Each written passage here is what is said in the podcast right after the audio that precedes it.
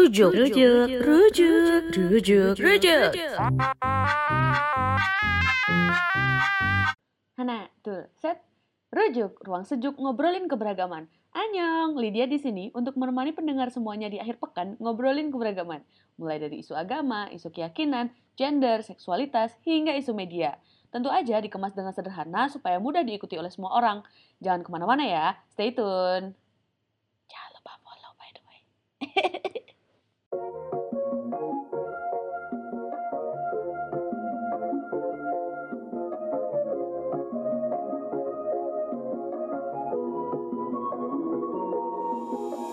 Hai, selamat pagi, siang, sore, kapan pun kamu dengerin podcast ini. Selamat datang di episode terbaru Rujuk, Ruang Sejuk, Ngobrolin Keberagaman.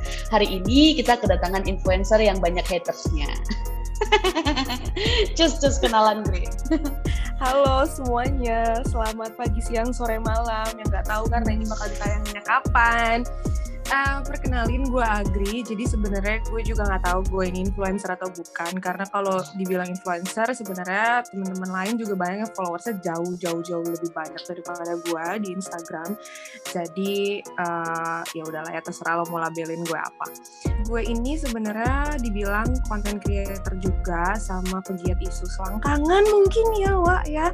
Jadi suka bahas soal isu kesehatan reproduksi, masturbasi bagi perempuan perempuan, suka juga nyenggol-nyenggol kadang-kadang bahas soal isu identitas minoritas kayak teman-teman LGBT itu juga beberapa kali sama mungkin bahas nyerempet juga soal toxic relationship gitu-gitu sih. Gitu, sekian. Ya, jadi sekilas info pendengar kalau kita highlight dari perkenalannya Agri. Agri ini merupakan seorang content creator yang punya banyak haters karena mengkampanyekan kesetaraan gender di medsosnya. Ngomongin masturbasi salah, bikin konten joget salah, salah ngomongin badan sendiri. Dipaksa bisik-bisik. Terus serba salah ya Gri ya? Perasaannya salah banget iya banyak banget. Padahal kayaknya tuh hatersnya nggak sebanding sama jumlah followers gue deh. Bener-bener deh. Gila. Ya Allah. tiap hari ada haters baru tiap hari ada haters baru. betul betul betul betul nggak tahu sebenarnya ini it is a good thing or a bad thing soalnya kalau misalnya kayak gitu berarti masih menunjukkan bahwa emang edukasi-edukasi yang dianggap tabu di masyarakat ini masih apa ya benar masih tabu dan masih kayak kayak gini tuh salah gitu loh. Dan orang-orang masih suka bawa-bawa personal gitu. Kalau kita bahas kayak gini dianggapnya liberal dianggapnya ini agama lo apa sih? Ditanya kayak gitu. Padahal sebenarnya edukasi kayak gini sebenarnya umum-umum aja sih seharusnya ya seharusnya gitu. Betul. Nah, karena kita tinggal di masyarakat yang bener-bener kayaknya buta sama hal-hal yang berbau kesetaraan gender, apa sih yang bikin lo pertama kali ngerasa kayak, oh gue harus bikin konten nih, semacam kayak wake up call gitu. Gue harus mengedukasi juga nih gitu, karena gue gak bisa diem aja. Uh, Sebenarnya kalau misalnya merasa uh, kalau misalnya ditanya mulai dari kapan sebenarnya dari kecil dari dulu tuh gue ngerasa kayak kok gue kalau jadi cewek ngapain aja tuh salah ya? Kalau misalnya cowok kayak biasa aja gitu loh. Ya, misalnya nih gue pulang malam tuh kayak kamu ngapain sih selalu pulang malam? Nanti kamu dianggap tetangga tuh begini begini begini gitu loh. Tapi sedangkan gue punya adik cowok kan adik cowok gue di, dibiasain biasa aja gitu digituin. Terus uh, padahal gue pulang malam karena gue memang ada kegiatan waktu itu di kampus gitu. Dan dan stigma stigma kayak gitu tuh udah selalu ada. Terus misalnya gue uh, uh, cara berekspresi gue ini kan memang frontal gitu kan ya anaknya terus dianggap kayak kenapa sih kalau jadi cewek petakilan banget? Nggak anggun nggak ini nggak itu. Apakah menjadi perempuan harus seperti itu? Gue rasa sih nggak nggak juga ya gitu. Terus misalnya nih hmm, uh, gini gue juga pernah terjebak dalam toxic relationship gitu loh yang merasa bahwa perempuan itu uh, harus di bawahnya laki-laki jadi warga kelas nomor dua. Bahkan gue dituntut untuk kayak nanti kalau misalnya ya, kita sudah menikah which is kayak itu masih jauh banget waktu itu ya posisinya kayak kenapa langsung ke sana? Aku tuh pengennya punya istri yang uh, jadi ibu rumah tangga gitu-gitu. Terus gue kayak lah uh, kalau lu memang mencari orang seperti itu gue bilang kayak gue nggak bisa jadi kayak gitu. Maksudnya gue nggak mau pure di rumah gitu karena yang kayak gitu-gitu kan pilihan setiap orang ya. Kayak kalau lu mau mencari orang yang memang stay di rumah, carilah orang kayak gitu. Karena itu hak lo gitu loh untuk mencari orang yang sesuai dan uh, dan uh, sesuai dengan value lu gitu loh. Tapi kalau misalnya lu memaksa orang lain untuk uh, jadi seperti apa yang lu mau itu bakal gak jelas banget jadinya. Dan apa ya itu kan hak orang juga untuk memilih mau kerja mau di rumah gitu jadi gue merasa kayak ini tuh gak adil banget makanya gue harus bahas. Terus udah gitu misalnya kayak ada uh, konten-konten yang seksis yang dianggapnya bercanda padahal sebenarnya itu tidak lucu sama sekali dan itu diamini dan dinormalisasikan sama semua orang gitu loh. Nggak semua orang banyak orang kayak misalnya tentang rape jokes gitu. Atau bercandaan. Soal yang kemarin tuh tentang terorisme emang dia dia dalihnya bercanda. Iya iya bercanda. Justru kalau lu berdalih berdalihnya bercanda berarti ada sesuatu yang salah sama isi otak lo nih. Kenapa lo bisa bercanda soal terorisme gitu loh? Terus sama misalnya konten-konten yang homofobia gitu. Kenapa lo bisa bangga untuk mendiskriminasi orang lain? Kenapa gitu? Terus muka kayak uh, terus misalnya kayak ini jadi panjang ya sorry nih. Uh, misalnya kayak kemarin gue ngangkat isu apa ya yang ustadz online itu nggak tahu dia dibilangnya ustadz atau enggak terus teman-temannya pada marah terus uh, bilang gue itu apa ya kayak merusak nama feminis. Gue bingung banget sebenarnya kayak kenapa bisa dibilang merusak nama feminis? Padahal ya uh, feminis itu perjuangannya beda-beda gitu loh. Dan apa yang pengen gue sampaikan adalah ini orang-orang ini yang yang gue lagi bahas tadi itu merasa dirinya itu para edukator. Tapi edukator-edukator ini nggak paham sebenarnya apa sih yang feminis itu perjuangin gitu loh. Feminis itu beda-beda interseksional juga. Terus uh, uh, apa lagi ya? Ya udah sih kayak gitu kayak gue ngerasa hal-hal kayak gitu tuh sebenarnya harusnya common sense ya kalau misalnya melawan penindasan itu dan menyetarakan semua gender itu sebenarnya common sense gitu tapi banyak banget orang yang nggak sadar gitu loh jadi menurut gua itu penting banget untuk kita apa namanya uh, buat ayo ayo nih nih sadar diri nih sadar diri yuk yuk yuk bisa yuk gitu gitu saya. Okay. Nah ngomongin soal ustadz online, ustadz instan, ustadz medsos tadi, gue tuh jadi hmm. ingat uh, kenapa uh, dia kan banyak banget blundernya, terus uh, victim blaming dan lo melakukan perlawanan ya dengan teman-teman yang lain. Ada yang pole dancing, terus kemudian juga ngupload video joget gitu. Nah, yang gue mau tanya nih, kenapa orang lebih suka nyalain korban ketimbang memperbaiki mindsetnya bahwa dia adalah uh, kemungkinan besar akan menjadi predator gitu daripada dia apa namanya berefleksi kenapa dia uh, lebih suka nyalain korbannya. Karena memang budaya patriarki sih balik lagi. Itu tuh patriarki udah mengakar banget sampai semua orang uh, berpikir nggak banyak orang berpikir bahwa ya udah patriarki memang seperti ini ya sudah berarti lu harus terima aja gitu. Sama halnya kayak lu terjebak di toxic relationship uh, secara fisik lu dipukulin sekali sakit dua kali sakit tiga kali empat kali jadi biasa gitu. Jadi kalau lu udah nggak dipukulin lagi lu malah kayak hah kok kok bisa kayak gini? Dan jadi lo tuh nggak tahu bahwa sebenarnya ada opsi uh, lo keluar dari lingkaran setan itu gitu. Jadi uh, makanya gue seneng banget untuk terus uh, menggelitik orang-orang yang berprivilege ini menggelitik orang-orang yang uh, punya pemikiran patriarkis ini buat ayo bangun woi bangun yuk bisa yuk. Masa sih kalau misalnya ada suatu kejadian uh, cewek goyang-goyang gitu di TikTok terus dia diseksualisasi atau dilecehkan masa jadi salah ceweknya? Ya kenapa nggak lu nyalahin orang yang ini aja yang yang seksualisasi lu gitu loh. Kayak gitu. Dan dia lebih suka disebut sebagai ikan, kemudian uh, apa ya sorry sorry kucing ya. Dia lebih suka dibilang sebagai kucing predator gitu daripada hmm. dia hmm. daripada hmm. dia mengedukasi dirinya gitu. Aneh iya, banget betul, sih. Betul betul. Kayak seneng banget ngeanalogiin orang lain sebagai binatang gitu atau benda ya makanya berarti kan perempuan sering banget tuh dianggap objek. Kemarin ada juga tuh yang sempat DM gue kayak coba deh Gri bayangin nih ya lo lagi pelihara dua harimau. Terus gue kayak mikir dulu kenapa ya jadi harimau? Oke gue baca lagi lebih lanjut. Katanya kalau misalnya lu cuman kasih makan satu harimau berarti harimau yang lain itu bakalan lapar dan kemungkinan akan makan lu kan? Jadi apa yang bisa lu lakukan? Lu kasih makan dua-duanya gitu. Sama analoginya dengan laki-laki dan perempuan. Intinya dia bilang seperti itu. Eh, laki-laki dianggap sebagai harimau perempuannya dianggap sebagai manusia. Nih untuk pertama kalinya perempuan dianggap sebagai manusia nih. Uh, uh, apa namanya? Kalau lu gak mau kayak gitu. Kalau lu nggak mau digituin nggak mau diseksualisasi yang nggak usah bikin konten joget-joget. Terus gue kayak even orang yang diem aja bisa gitu loh dijahatin orang lain. Orang mau pakai baju kebuka ketutup bisa dijahatin. Jadi yang masalah bukan dari orang yang pakai baju terbuka atau tertutup ya. Dan bukan juga salahnya si orang yang joget-joget atau yang bahkan diem aja tapi salah orang yang seksualisasi lu dan yang melecehkan lo sebenarnya sesederhana itu cuman orang-orang tuh masih pada defensif aja. Gitu. Perumpamaan Iya, like- iya eh, betul. Perumpamaan bikin orang kayak ikan asin kucing apalagi sih harimau. Terus ah, ada lagi tahu benda bukan binatang. Kunci sama gembok. Permen. Kun- oh iya iya kunci permen. sama gembok. Ya permen ampun. juga kayak bagaimana lihat nih per- permen yang kebuka dikerubungi semut. Permen yang tertutup nggak dikerubungi semut sih? Oh oke oke baiklah gitu. Berarti lu nyamain diri lu sama sesuatu benda yang bahkan tidak berakal ya? Bun gitu Ya, nah gue jadi penasaran nih Gri. Kenapa laki-laki tuh bisa ngomongin seksualitasnya dengan bebas, ngomongin masturbasi, nyabun, pakai lotion.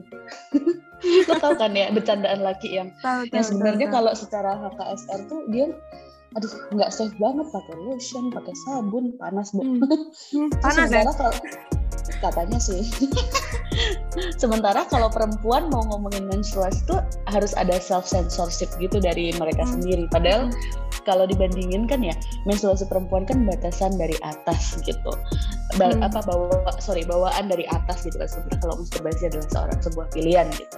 Kenapa Hmm. ada eh, semacam boundaries untuk perempuan sementara untuk laki-laki nggak ada? kalau menurut gue ya karena ini ngomongin eh, perempuan sama laki-laki cis ya berarti ya kalau menurut gue ya hal itu terjadi karena memang society menilai perempuan itu hanya sebagai objek seksual aja jadi perempuan itu mau ngapain juga dianggap sebagai objek gitu seperti yang tadi kita bahas. Jadi mau cewek eh, gini kalau cowok bahas kayak gitu kan dia tidak dianggap sebagai objek ya. Jadi ya dia sah-sah aja nih bahas soal masturbasi percolayannya dia gitu kan ya. Bangga gitu kan ya. Eh gue udah ewi-ewi nih sama cewek yang ini. Gimana nih? Eh, gila keren banget ya anak-anak tongkrongan biasa kan kayak gitu. Sedangkan perempuan bahas masturbasi eh salah bukan masturbasi. Ini deh menstruasi aja nih untuk perempuan-perempuan yang memang menstruasi. Kayak ah lu ngapain bahas kayak gitu? Jijik banget tau gak lo? Itu satu. Kedua apalagi gue nih misalnya gue.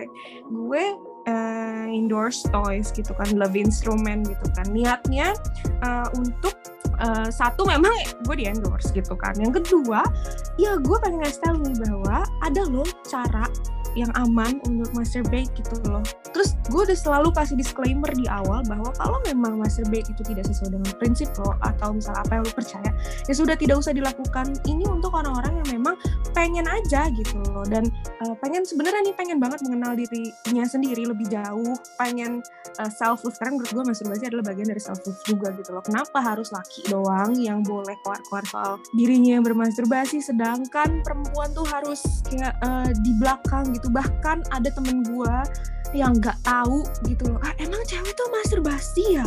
Itu satu. Terus bilang, ah aneh gak sih kalau misalkan cewek itu masturbasi? Gue nggak ngerti, gue nggak pernah tahu tuh eh, rasanya orgasme itu gimana gitu. Terus gue kayak, padahal sebenarnya dia mau tahu gitu beda ya sama teman-teman yang memang tidak mau dan tidak mau bereksperimen gitu itu itu beda. Be- eh, beda juga case-nya kalau misalnya ada teman-teman yang memang memiliki vaginismus atau apa itu itu beda case. Tapi ini untuk teman-teman yang memang sebenarnya penasaran tapi nggak punya akses gitu loh untuk tahu gitu gimana caranya dia bermasturbasi gitu. Nah makanya gua dengan senang hati memberikan mungkin bisa dibilang edukasi ya bahwa masturbasi itu oke buat perempuan gak ada masalah gitu loh. Dan makanya gue memperkenalkan toys toys gue dan love instrument gue gitu loh.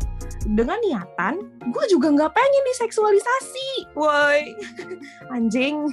Gue gue ngasih tahu ini karena mm, gue cuman mau kenalin aja nih. Bisa lo bisa lo lo paham soal ini. Jadi Nah, terus habis itu menyasar ke pertanyaan-pertanyaan ke gue, emang kalau misalnya kayak gini banyak udah sering nyoba ya atau apa? Itu kan udah nggak nyambung dari pembahasan gitu loh, dan malah ya seksualisasi gue lah. Begitu. Kalau lo sendiri gimana nih? Rasanya pertama kali melakukan merancap, yaitu bahasa Indonesia-nya merancap. Meracap ya. Oke, Iya, merancap. meracap. Kalau kalau gue Mer kan apa? Mera meran- merancap, merancap. meracap. Mm-mm, mm. Oke. kalau gue ngerasa bersalah sih waktu itu terus kayak hmm. takut masuk neraka gitu kan oh my god apa ini it feels good and it, but it feels wrong at the same time eh, sama sih. Sama sih gue juga kayak gitu. Karena kan maksudnya ya kita terhegemoni nih sama pemikiran-pemikiran yang patriarkis. Jadi merasa bahwa dulu sebelum kan orang nggak mungkin ya lahir udah jadi feminis gitu.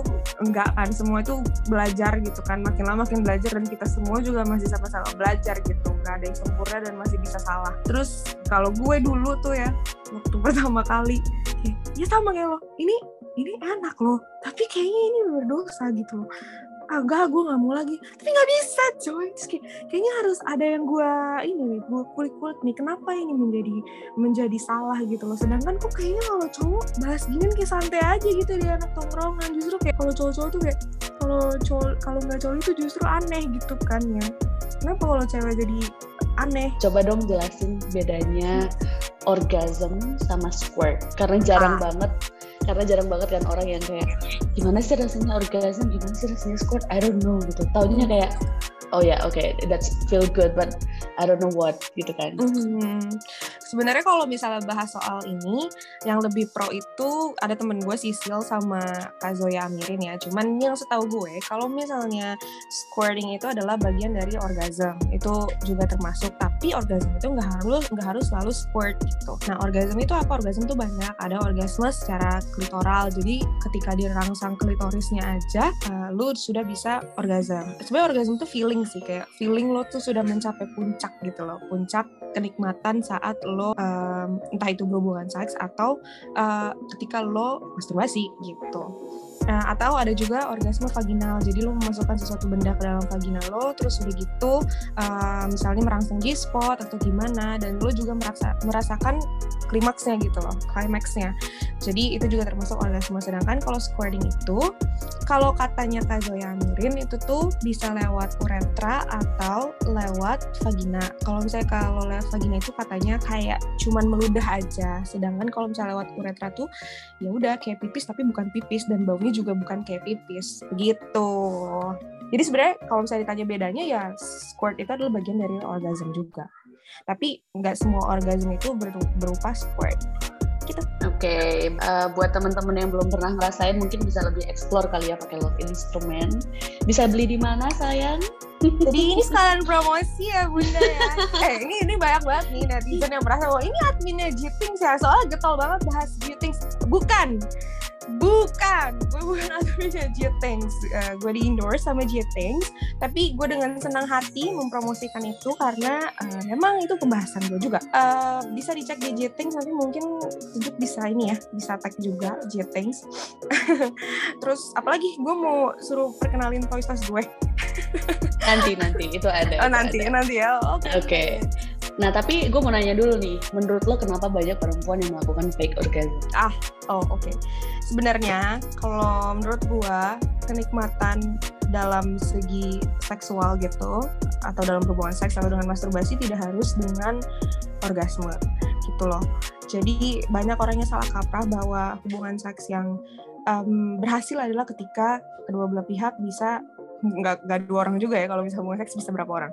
Kalau misalnya para pihak itu bisa orgasme padahal nggak juga gitu loh. Kayak goalsnya orang beda-beda. Nah kenapa bisa ada perempuan yang fake orgasm? Kalau misalnya kita bahas hubungan yang she's heteroseksual uh, mungkin karena ceweknya itu dirasa tidak mau memberikan tidak mau mengecewakan si laki-lakinya. Karena kan kesannya nih di dunia yang patriarki ini kan ya maskulinitas itu penting sekali kan ya. Maskulinitas laki-laki tuh nggak boleh ada yang apa ya babat gitu. Cowok-cowok tuh nggak boleh yang jadi lebih feminin atau misalnya cowok-cowok itu nggak boleh deh pokoknya maskulinitasnya ter, eh, terasa rapuh. Nah sedangkan kalau misalnya si ceweknya ini tidak orgasme yang dianggap sebagai tolak ukur keberhasilan suatu hubungan seksual nah terus ketika cowok ini nggak berhasil ya berarti si cowoknya akan merasa bahwa ah gue nggak nggak ini nih. Kalau kata orang apa ya nggak jantan banget nih gue nggak bisa ngegolin ini gue nggak bisa ngegolin cewek-cewek yang uh, cewek-cewek jadi orgasm gitu loh. Padahal sebenarnya mindsetnya nggak seperti itu gitu. jadi makanya edukasi itu sangatlah penting gitu. Iya karena banyak yang merasa maskulinitasnya kurang nih kalau iya. sampai kalau sampai pasangannya kagak kagak uh, uh, dateng juga gitu kan. Dan dia doang kalah sama Indomie tiga menit doang. Kalah sama Indomie. Anjrit lu bener-bener oke. gue gak boleh Lagi-lagi. sebut nama lo ya? Gue harus nyebut lo apa Min? Boleh boleh boleh sebut nama gue boleh disebut nama Oke. gue. Oke boleh. Oke mau santai aja.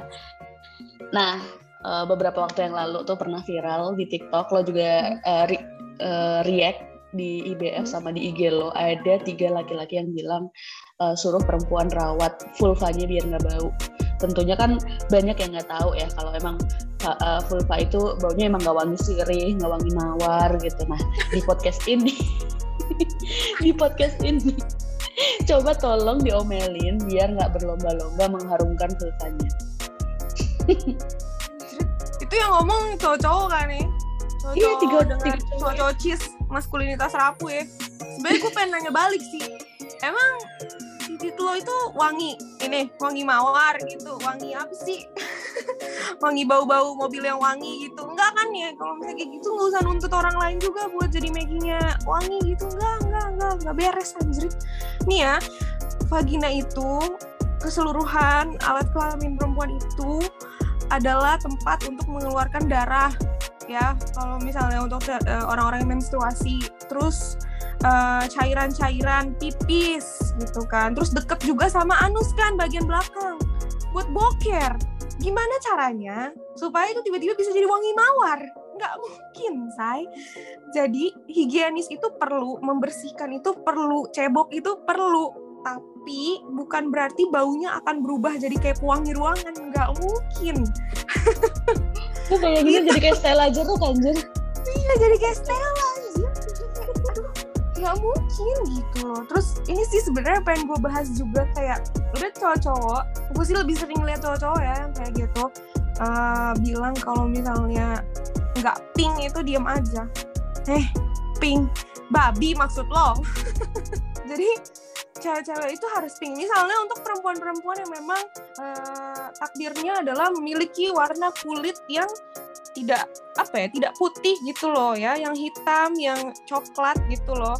Eh, yang misalnya tipe-tipe perempuan Indonesia tuh misalnya eh, warna kulit ya sawo matang gitu lah ya.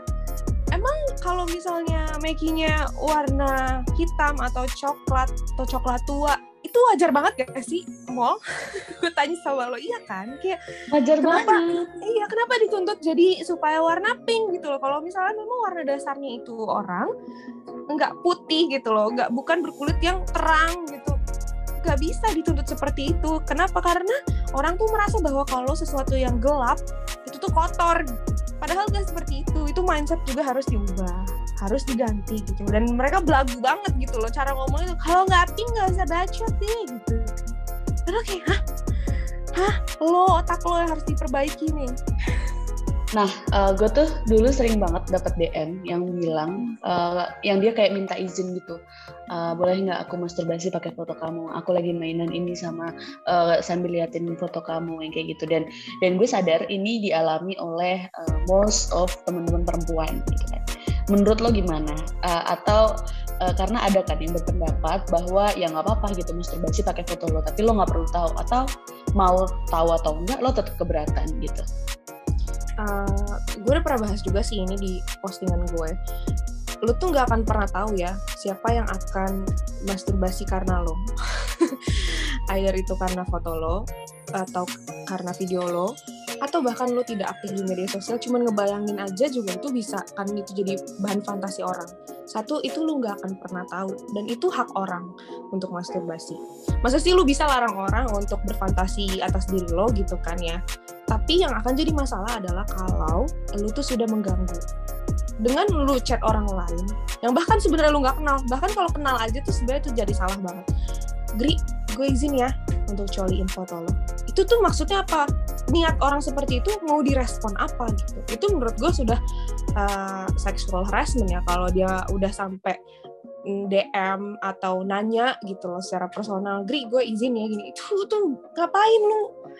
Ngapain lu ngomong kayak gitu? Niatnya direspon apa terus um, banyak juga yang marah sama gue ih kenapa kok lu uh, gak apa-apa kalau misalnya ada orang yang uh, coliin video lo atau foto lo masalahnya gue nggak tahu dan gue nggak akan pernah tahu juga orang mau berfantasi apa soal gue gitu. Loh ya selama lu tidak mengganggu gue selama lu nggak DM DM goblok kayak gitu selama lu nggak tiba-tiba datang gitu ngomong yang aneh-aneh atau misalnya udah pakai fisik gitu ya udah itu urusan lu bukan urusan gue gitu.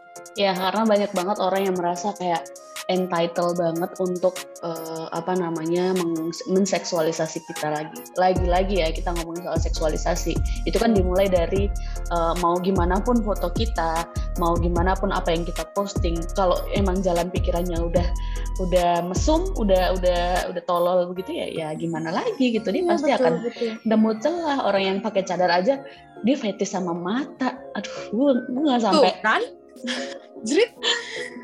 Terus misalnya ada orang yang colai gitu, coli gara-gara fetish sama mata gitu. Tapi dia melakukan itu di tempat yang private, tidak mengganggu siapa-siapa, tidak ada orang yang tahu.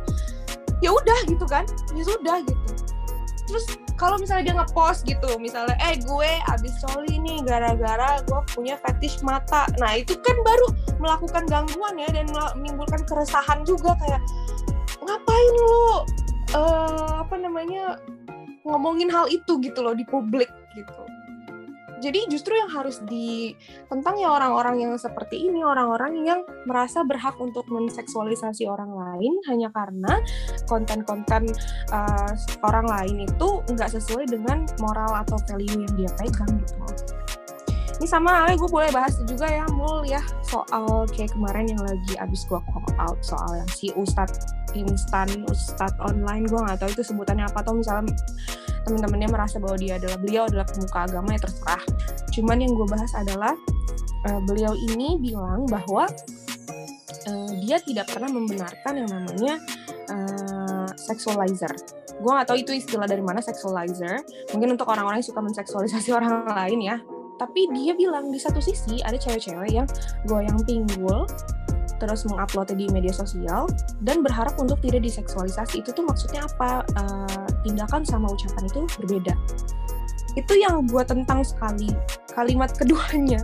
Karena terserah orang mau goyang pinggul mau pakai baju terbuka mau pakai baju tertutup itu juga nggak lepas dari apa ya nggak lepas dari pelecehan yang dilakukan laki-laki terhadap perempuan gitu. Jadi yang harus dibetulin mindsetnya adalah ya udah si laki-laki ini, ini kenapa lu harus melecehkan orang lain? Gitu. Kalau lu merasa internet itu bukan uh, safe place buat semua orang, jadikan internet itu sebagai safe place mulai dari diri lu sendiri. Dengan cara apa? Lu nggak victim blaming orang. Itu juga termasuk uh, membuat safe place membuat internet sebagai yang safe, tempat yang safe place gitu.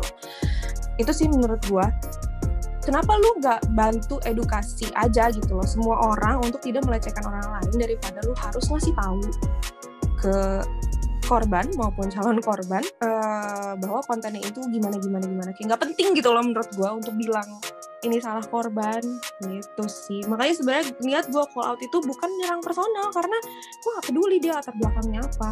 It, itu kalimat dia yang memang keliru menurut gue. Karena dia victim blaming tapi dibuat bertele-tele aja. Dibuat seakan-akan membela perempuan padahal sebenarnya no. Terus klarifikasinya adalah uh, lihat deh konten-konten saya yang lain gitu. Saya juga membela perempuan gitu loh. Gue gak peduli konten lo yang lain. Gue lagi bahas konten lo yang ini gitu loh. Konten lo yang lain bela perempuannya bagus gitu loh. Tapi kenapa kayak uh, pengen banget divalidasi gitu loh? Kayak ya sudah konten lo yang lain bagus. Gue juga gak komenin konten lo yang lain Uh, dan hal-hal seperti itu nggak perlu apa ya menurut gua kalau lu menghargai orang lain itu tuh common sense itu kayak bare minimum. Bukan sesuatu hal yang harus banget diapresiasi gitu loh karena memang sudah seperti itu sudah layaknya seperti itu orang menghargai satu sama lain gitu loh mendukung satu sama lain mendukung hak hak hidup orang lain mendukung hak orang lain untuk berekspresi itu uh, common sense gitu loh. Bukan sesuatu yang harus kayak oh my god lu tuh keren banget. Ini enggak biasa aja. Nah sekarang gue mau kasih challenge ke lo ini challenge yang gue bilang di awal tadi. Uh, coba lo deskripsikan fungsi love instrument lo dan lo kasih ranking dari yang paling menurut lo biasa aja sampai yang paling favorit. Karena gue tahu kok like koleksi lo banyak banget. gue sebenernya lupa, gue sampai lupa koleksi gue apa aja. Jadi gue, ini tapi barang gue semua dari J-Things ya. Uh, gue sebutin yang gue inget ya. gue punya namanya Ruby Rabbit itu penjelasannya ada di highlight gue. Semua semua main, uh, mainan gue lebih instrumen gue itu ada di highlight gue berdasarkan namanya masing-masing. Jadi kalian bisa cek juga di Instagram gue. Uh, gue punya Ruby Rabbit. Jadi dia tuh untuk dual stimulation. Jadi satu untuk clit satu lagi untuk penetrasi. Cuman um, ini yang rate-nya menurut gue uh, oke okay, tapi gue nggak terlalu favoritin ini. Kenapa? Karena itu uh, apa ya namanya gedong banget ya. Gede banget. Jadi kayak gue gue lebih suka yang klitoral daripada yang penetrasi. Jadi kayak itu oke okay lah gitu. Dia yang paling di bawah. Tapi bukan berarti jelek ya itu bagus banget. Cuman dibanding yang lain gue lebih suka yang lain. Terus gue punya juga kegel ball kegel ball itu tuh kayak bola yang dimasukkan ke dalam vagina lo untuk uh, melatih otot-otot vagina lo, melatih pelvic muscle supaya lebih kencang gitu loh, ngecengkram sesuatu yang masuk ke dalam vagina gitu. Terus gue juga punya flamingo. Nah tapi flamingo ini nggak tahu mau pakai sama siapa karena gue nggak punya pasangan say. Jadi minggu itu biasanya dikontrol uh, ada aplikasinya gitu lucu deh. Jadi kayak uh, apa namanya aplikasi Magic Motion. Jadi dalam aplikasi itu lo tuh bisa kontrol getarannya semana full atau enggak gitu-gitu. Uh, cuman nah, nah itu berguna banget untuk teman-teman yang LDRan gitu. Kayak misalnya cowok lo ada di benua mana terus cewek lo ada di mana gitu kan yang dikontrol via handphone tuh seru banget gitu. Terus lagi ya gue punya CSV gue punya CSV itu juga dual stimulation jadi satu untuk clit satu untuk pene. Penjelasan ada di highlight gue. Terus udah gitu gue punya anjir apa lagi? Ah gue punya Yumi. Ini dua teratas yang paling gue suka. Yumi ini barangnya kecil uh, dia kayak beauty blender aja tuh kalau bentuknya cuma kayak gitu doang. Itu tidak untuk dimasukkan tapi untuk uh, klit aja cuma untuk klitoris aja. Jadi uh, dia vibrator tapi untuk klit doang. Ya sudah gitu karena gue lebih suka yang untuk klit ya udah itu itu kecil-kecil cabai rawit. Makanya itu oke okay banget menurut gue terakhir yang paling oke okay, yang sudah gue review juga di uh, Instagram gue adalah Trista. Nia Jiting terima kasih sudah men, uh, menerbitkan yang namanya Trista, memproduksi yang namanya Trista.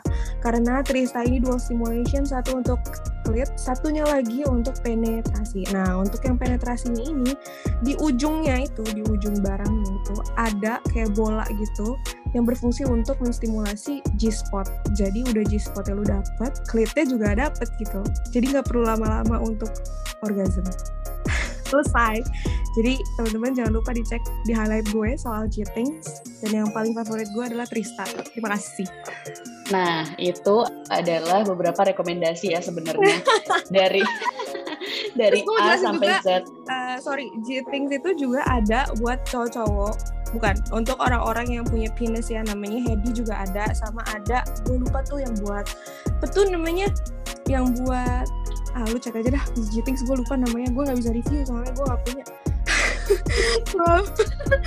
gitu jadi ada namanya Hedi juga jadi buat teman-teman yang mau mencoba love instrument hmm. dan bingung mau beli apa silahkan cek highlightnya Agri di at Agri Merinda tuh gue promosiin. Makasih ya, lo, lo, lo ini deh minta kredit sama Jitings deh. ini okay. promosi gratis nih buat sejuk ya nanti nanti nanti gue tag IG pribadi gue. Anjay. Nah sebagai perempuan yang juga influencer tentu banyak banget nih yang nyerang nih kan apalagi karena lo lo kadang-kadang berhijab kadang-kadang enggak. Kadang-kadang kadang-kadang lo review love instrument gitu kan kadang-kadang lo uh, call out orang dengan mindset yang uh, patriarkis gitu. Ada tantangan apa aja sih uh, ketika lo harus menyuarakan kesetaraan gender? Satu mental. Harus baja ya. Karena lo gak akan berhenti dapet hinaan gitu. Karena lo tuh dianggapnya beda dari orang-orang yang patriarkis which is bas masih banyak dan masih menjamur. Jadi kalau gue nggak masalah dianggap gue sering banget ya di DM uh, gila stres atau dibilang uh, lonte gitu kan ya. Ya kalau misalnya memperjuangkan teman-teman untuk keluar dari belenggu patriarkis ini dan gue harus dikatain gila menurut gue itu sebuah komplimen sih. Menurut gue itu sebuah pujian jadi nggak apa-apa bilang aja seperti itu gitu. Jadi mental harus uh, uh, kuat terus udah gitu yang kedua tantangannya adalah lo tuh ngejelasin hal berulang-ulang padahal sudah pernah dibahas gitu kayak soal feminisme, soal uh, hak-hak dasar manusia, soal perlawanan teman-teman kenapa feminis itu beda-beda itu udah sering banget dibahas uh, sama teman-teman jaringan juga kan ya mulai. Cuman kayak mungkin tantangan ini juga nggak cuman ada ke gua tapi untuk teman-teman jaringan mau juga sering pasti kena menurut gue. lagi sejuk tuh. Ya, lu juga tahu sih sebenarnya gimana. Kita kita pengen bantu bahwa semua manusia itu valid gitu kan ya. Apalagi ketika lo kemarin uh, bahas soal queer muslim gitu di mana banyak orang yang tidak mau menerima gitu uh, mereka berusaha untuk menginvalidasi teman-teman yang muslim dan part of LGBT plus gitu kan. Ya kan kita berjuang juga untuk bilang lo valid gitu lo mau lo orientasi seksual lo apa gender lo apa seks lo apa agama lo apa ras lo apa suku lo apa kita tetap berjuang uh, ber, uh, untuk hak lo gitu. Itu tantangannya. Terus apalagi ya? Hinaan-hinaan ke fisik juga banyak gitu kan ya. Yang ad hominem dan personal padahal udah sering banget dibahas lu tuh tidak boleh nyerang personal. Termasuk mungkin followers followers gue juga itu juga udah sering banget gue bahas. Kalau misalnya gue call out orang ngomongin soal uh, substansi orang ini yang patriarkis misogini seksis gitu kan ya. Please untuk teman-teman ini pesan juga untuk kalian-kalian jangan serang personalnya orang itu gitu loh. Karena uh, apa ya gak, ada bedanya lu sama dia gitu. Kalau misalnya lu serang personal lagi gitu. Terus uh, gue juga sering kena imbasnya karena followers followers gue nyerang secara personal atau ad hominem kepada orang yang gue call out gitu. Loh padahal gue sudah sering banget edukasi karena kontrol itu bukan dari luar kontrol itu dari kita sendiri gitu. gue mana bisa kontrol um, netizen untuk tidak mengetik ad hominem atau serang personal gitu. Buset ngasih tahu satu-satu gitu. Setiap komentar yang ad hominem itu PR juga sih. Jadi maksudnya kesadaran diri aja gitu, jangan serang personal. Gitu sih. Terus oh, gue lupa ya tadi pembahasan pertama soal kerudung dan tidak berkerudung ya. Jadi bahas tantangan doang. Kalau misalnya masalah kerudung dan tidak berkerudung, mungkin nanti gue akan review love instrument pakai kerudung. Kayaknya itu sebuah inovasi baru kali ya. makin cari-cari komentar nih ya. Gimana ya? Itu kan hak orang terus ke gue gue mau ngapain nah uh, tantangannya adalah ya udah dibilang hipokrit karena kenapa lo bisa lepas pakai gitu? Dibilang juga lo tuh muslim atau bukan sih gitu? Gue tuh menghindari komentar-komentar pertanyaan personal seperti agama lo apa. Kalau ada orang yang nanya agama lo apa gue akan jawab prima agama mampus kan? Gue jawab prima agama agama gue mau apa lo gitu kan. Terus ada yang bilang kenapa lu nggak bangga sama agama lu sendiri? Karena itu urusan personal gitu bukan permasalahan antara gue bangga atau nggak bangga. Lagi pula ketika gue pakai kerudung atau tidak pakai kerudung tidak menentukan identitas gue sebagai uh, pemilik agama tertentu gitu kan ya. Terus ada juga kayak kenapa orang-orang yang memakai atribut keagamaan tertentu dianggap sebagai orang yang lebih baik daripada orang yang tidak memakai atribut keagamaan tertentu. Itu juga pengen yang gue kritisi. Makanya gue senang-senang aja gitu. Kadang pakai kadang enggak. Gue pengen bilang gue ya gue aja gitu loh. Eh, nggak ada hubungannya dengan apa yang ada di kepala gue oke. Okay. ini adalah pertanyaan terakhir sebelum kita menutup sesi ada nggak sih uh, pesan buat teman-teman pendengar nih ya terutama yang masih merasa kalau uh, dia adalah sebuah kesalahan terus kemudian mengekspresikan diri itu nggak boleh terus menjadi diri sendiri itu berarti melawan kodrat gitu coba pesan lu apa Dri? Boleh deh ngomel pesan gue adalah ini kan untuk teman-teman yang memang sebenarnya pengen berekspresi ya jangan takut untuk um, berekspresi jangan takut untuk ngasih tahu ke dunia bahwa lo itu siapa. Jangan takut sama gini lo tuh nggak butuh validasi orang lain untuk jadi diri lo sendiri selama lo tidak merugikan orang lain. Jadi silahkan berekspresi sesuai dengan apa yang lo mau tapi lo juga harus siap dengan um, apa ya lo lo juga harus siap kalau misalnya lo tuh ditentang sama banyak orang. Karena dunia ini internet terutama kalau misalnya kita bahas di media sosial bukan tempat yang aman. Sekali lagi jadi lo tuh juga harus tahu dan lo juga harus bisa bertanggung jawab sama apa yang lo post sama konten-konten lo um, sama apa yang lo sebarkan kayak gitu menurut gue. Intinya jangan takut berekspresi. Ya nggak usah apa ya nggak usah mikirin ya oh, orang ini bakal mikir apa orang ini bakal mikir apa orang itu bakal mikir apa. Nggak usah takut. Terus pesan juga untuk orang-orang ini untuk haters ya mungkin ya yang selalu DM bilang agri katanya open minded tapi kenapa nggak open comment?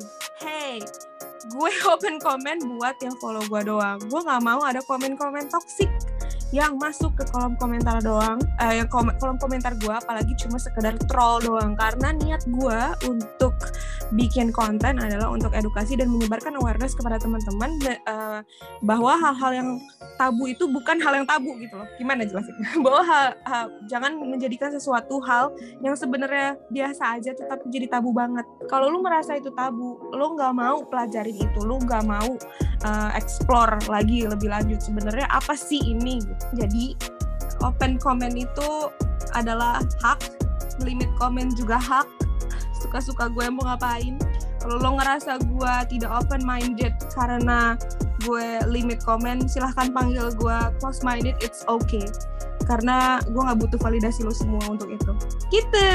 Yeah. thank you Agri udah mau ngobrol sama Rujuk buat teman-teman yang penasaran sama siapa sih sosok Agri boleh di follow di Instagramnya @agrimerinda kalau kamu tertarik dengan Instagram dan Twitter sejuk bisa di follow di @kabarsejuk dan Facebook kabar sejuk. Thank you.